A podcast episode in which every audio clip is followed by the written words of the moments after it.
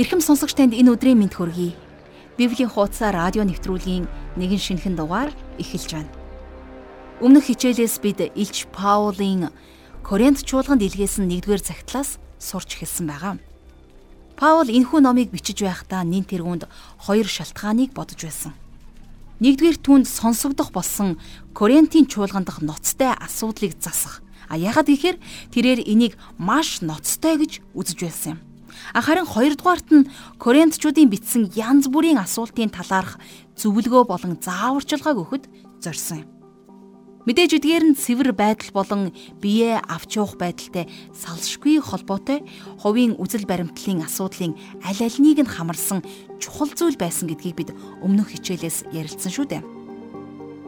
Түнчлэн эндээс бид Есүс Христтэй нөхөрлөх нөхөрлөл болон Коринт чуулганд үүсэт байгаа маргаан мэтгэлцээний учир шалтгааныг олж харсан. Бурхны нэгүслийн улмаас Коринтчуудад онцгой сүнслэг билгүүд өгөгдсөн байсан учраас Паул тэднийг ихэд саашаасан. Ийм билгүүд нь чуулган дахь ариун сүнсний үйлчлэлийг дагалддаг чухал шаардлагатай маш үн цэнтэй зүйлс байдаг. Үнэн дээр үүнгүүгээр итгэгчид Бурхны хүслийн дагуу ямагт нэг нэг нэгэ хүчрхэгжүүлж эсвэл туслах тал дээр унахад хүрдэг аюултай. Тиймээс энэ загтлын өөр хаанч Паул эдгээр бэлгийг хэрэгцээгүй гэж хэлээгүйг танд сануулъя.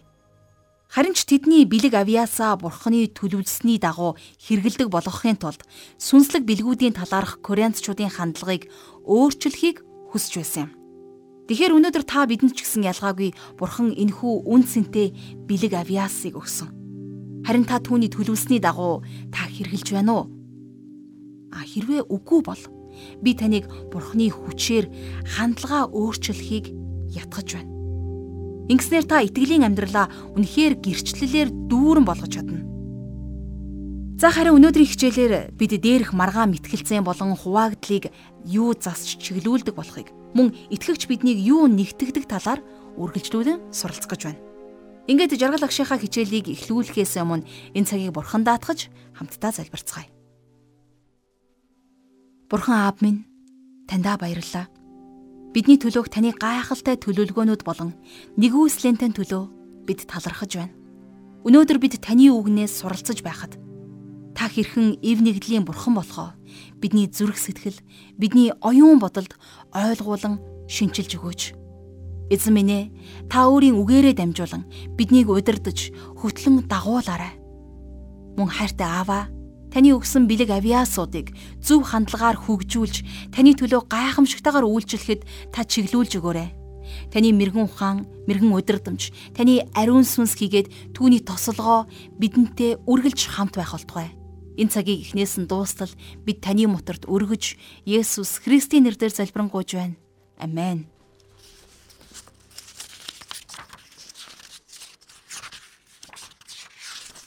За өнгөрсөн хичээлээр бид 1-р Коринт номыг эхлүүлсэн байгаа. Тэгэхээр өнгөрсөн хичээлээр бид нар хамтдаа 1-р бүлгийн 1-ээс 9-р ишлэлээс за Паулийн Коринтотынд бичсэн загтлын эхлэл, оршил, за мэдлэгээний хэсгүүдийг хамтдаа судалсан. Тэгэхээр өнөөдөр бид нэр үргэлжлүүлээд 1-р Коринтын 1-р бүлгийн 10-р ишлэлээс үзэх гэж байна.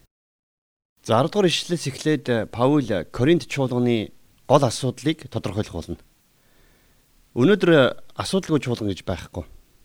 За мэдээж тэдний олонгот нь Коринт чуулганд тулгарч байсан шиг ижил асуудлууд байдаг.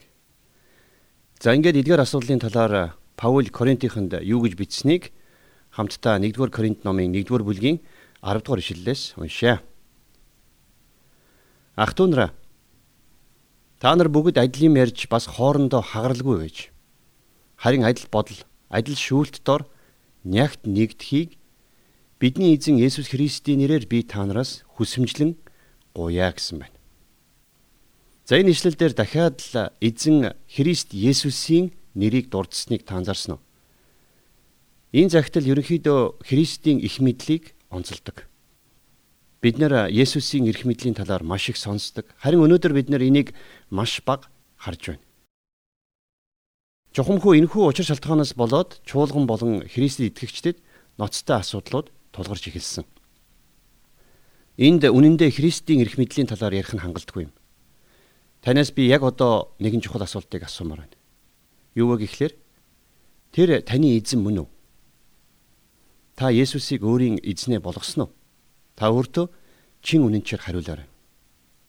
Тэгэхээр та нар бүгд адил юм ярьж гэж хэлснээрээ хүн болгон нэг ижил үг яриад бай гэсэн үг биш.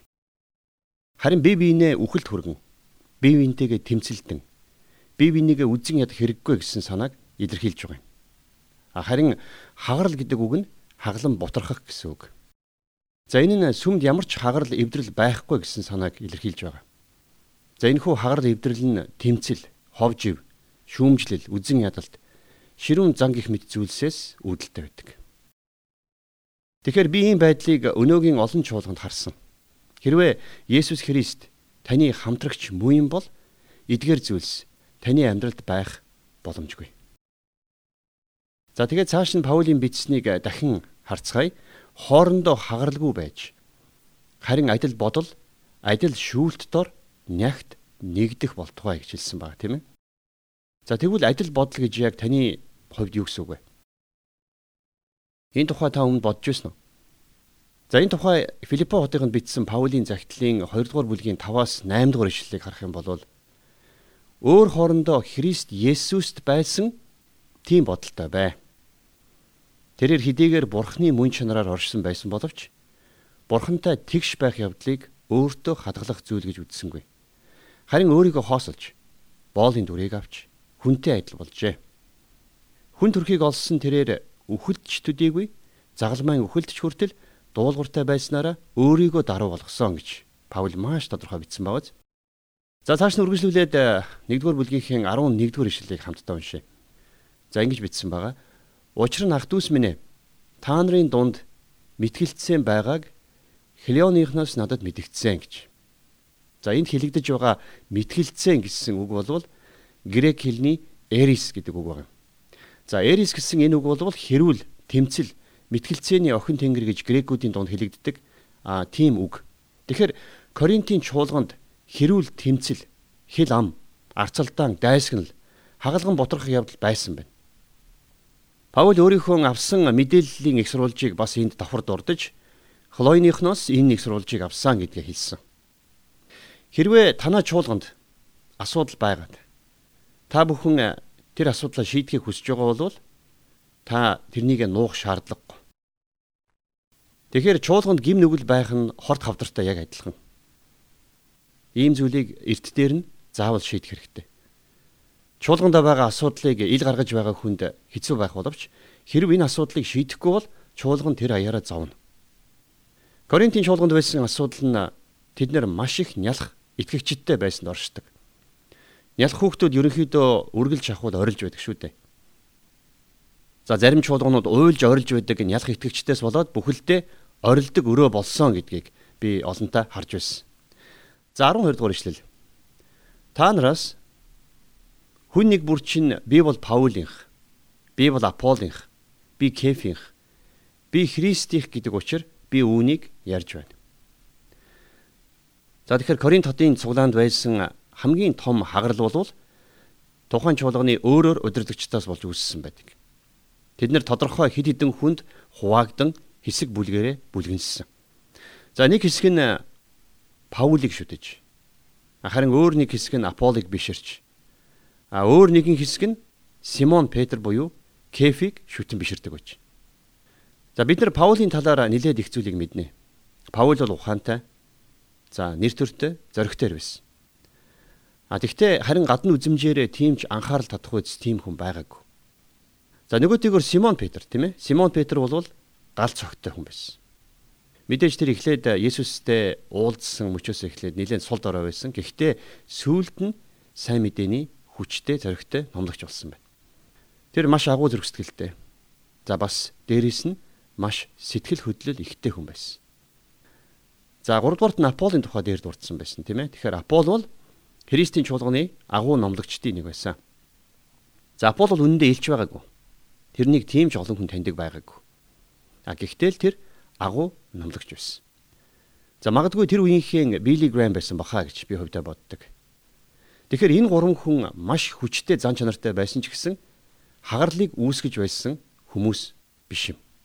Бид нар бүгдээрээ итгэлийн төлөө хамтдаа тэмцэж сүнсний ив нэгдлийг хадгалж бүгдээрээ л Христ Есүсийг дээдлэн хүндэлдэг хүмүүс байсан. Тэгэхээр хагарлыг үүсгэж байсан гол хүмүүс бол Коринт чуулганы итгэгчид байсан юм. За тэгээд нөгөө хэсэг бүлэг хүмүүс нь өө бид нэр Паул хахад хайртай. Ягаад гэвэл тэр маш сүнслэг гэж хэлж байсан болвол за өөр нэг хүмүүс нь бидэнд Симон Петр таалагддаг юм а. Ягаад гэвэл тэр маш сайн сургаал заадаг гэж хэлж байсан байна. За дээрэс нь 3 дахь бүлгийн хүмүүс гарч ирсэн. Тэд нэр өө бид нар Апол дуртай.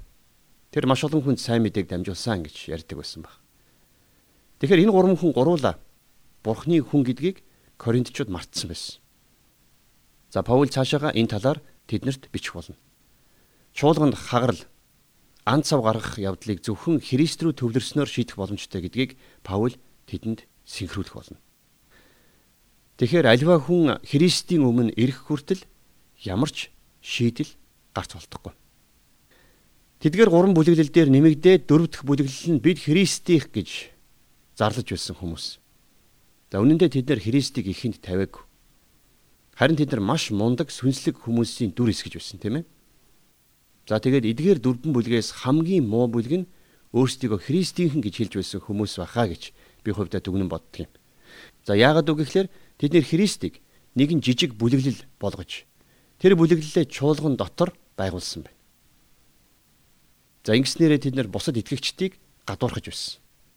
Өөрөөр хэлэх юм бол тэд нар сүнслэг бие тогтчд байсан. Тэгэхээр та чуулган дотроос сүрж эхэлж байгаа өдрүүдэд амьдарч байгаагаа анзаардаггүй. Мэдээ чуулган дах асуудал гаднаас орж ирдэггүй. Учир нь химжээлшгүй олон чуулганд зөвхөн чөлөөт үзлийн талаар номлосноор тэднийг дотроос нь идэж сүйтгэж байна. Эндэр дээр байгаа хүн итгэлийн дагуу номлосон ч гэсэн сууж байгаа хүмүүс ихэвчлэн асуудал гаргадаг. Тэд нэр зөрчил, маргаан, хагарлыг дэгдэж байдаг. За зөрчил маргаан гэдэг нь арх, шашингүй үзэл, дэлхийн зүйлсээс ч илүү хор хөнөөл учруулж байдаг зүйл юм. За тэгвэл Коринтын чуулганд яг л ийм хагарал зөрчилдөөнүүд зөндөө болж байсан байна. За тийм ч учраас Паул Коринтынд хандаж яг энэ асуудалтай тулж энэ асуудлыг шийдэж зогсоохоор загтлыг бичсэн юм а.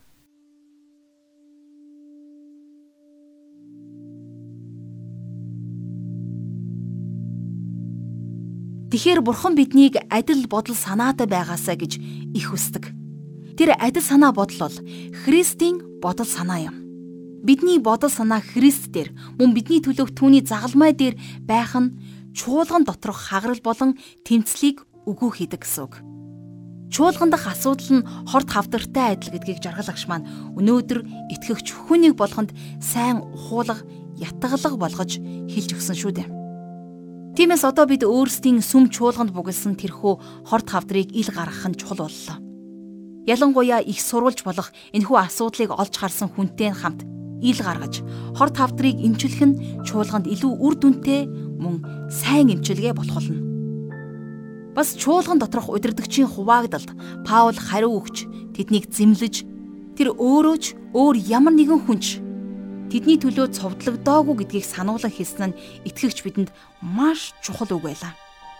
Ягаад гэхээр энэнтэй адилхан алдаа өнөө цагт ч гэсэн давтагдсаар байгаа.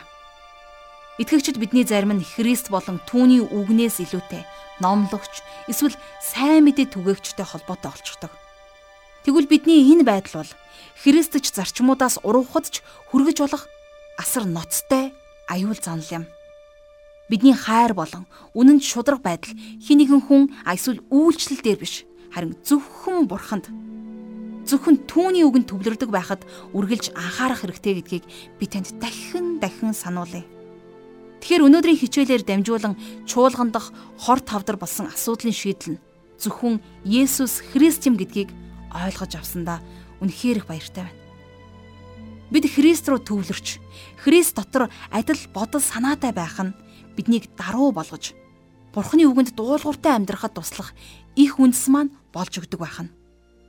Ингээд өнөөдөр сурсан зүйлийнхаа төлөө та заавал Бурхан талархах түүний өмнө очих цагийг гаргаарай. Яг одоо хамтдаа залбирая.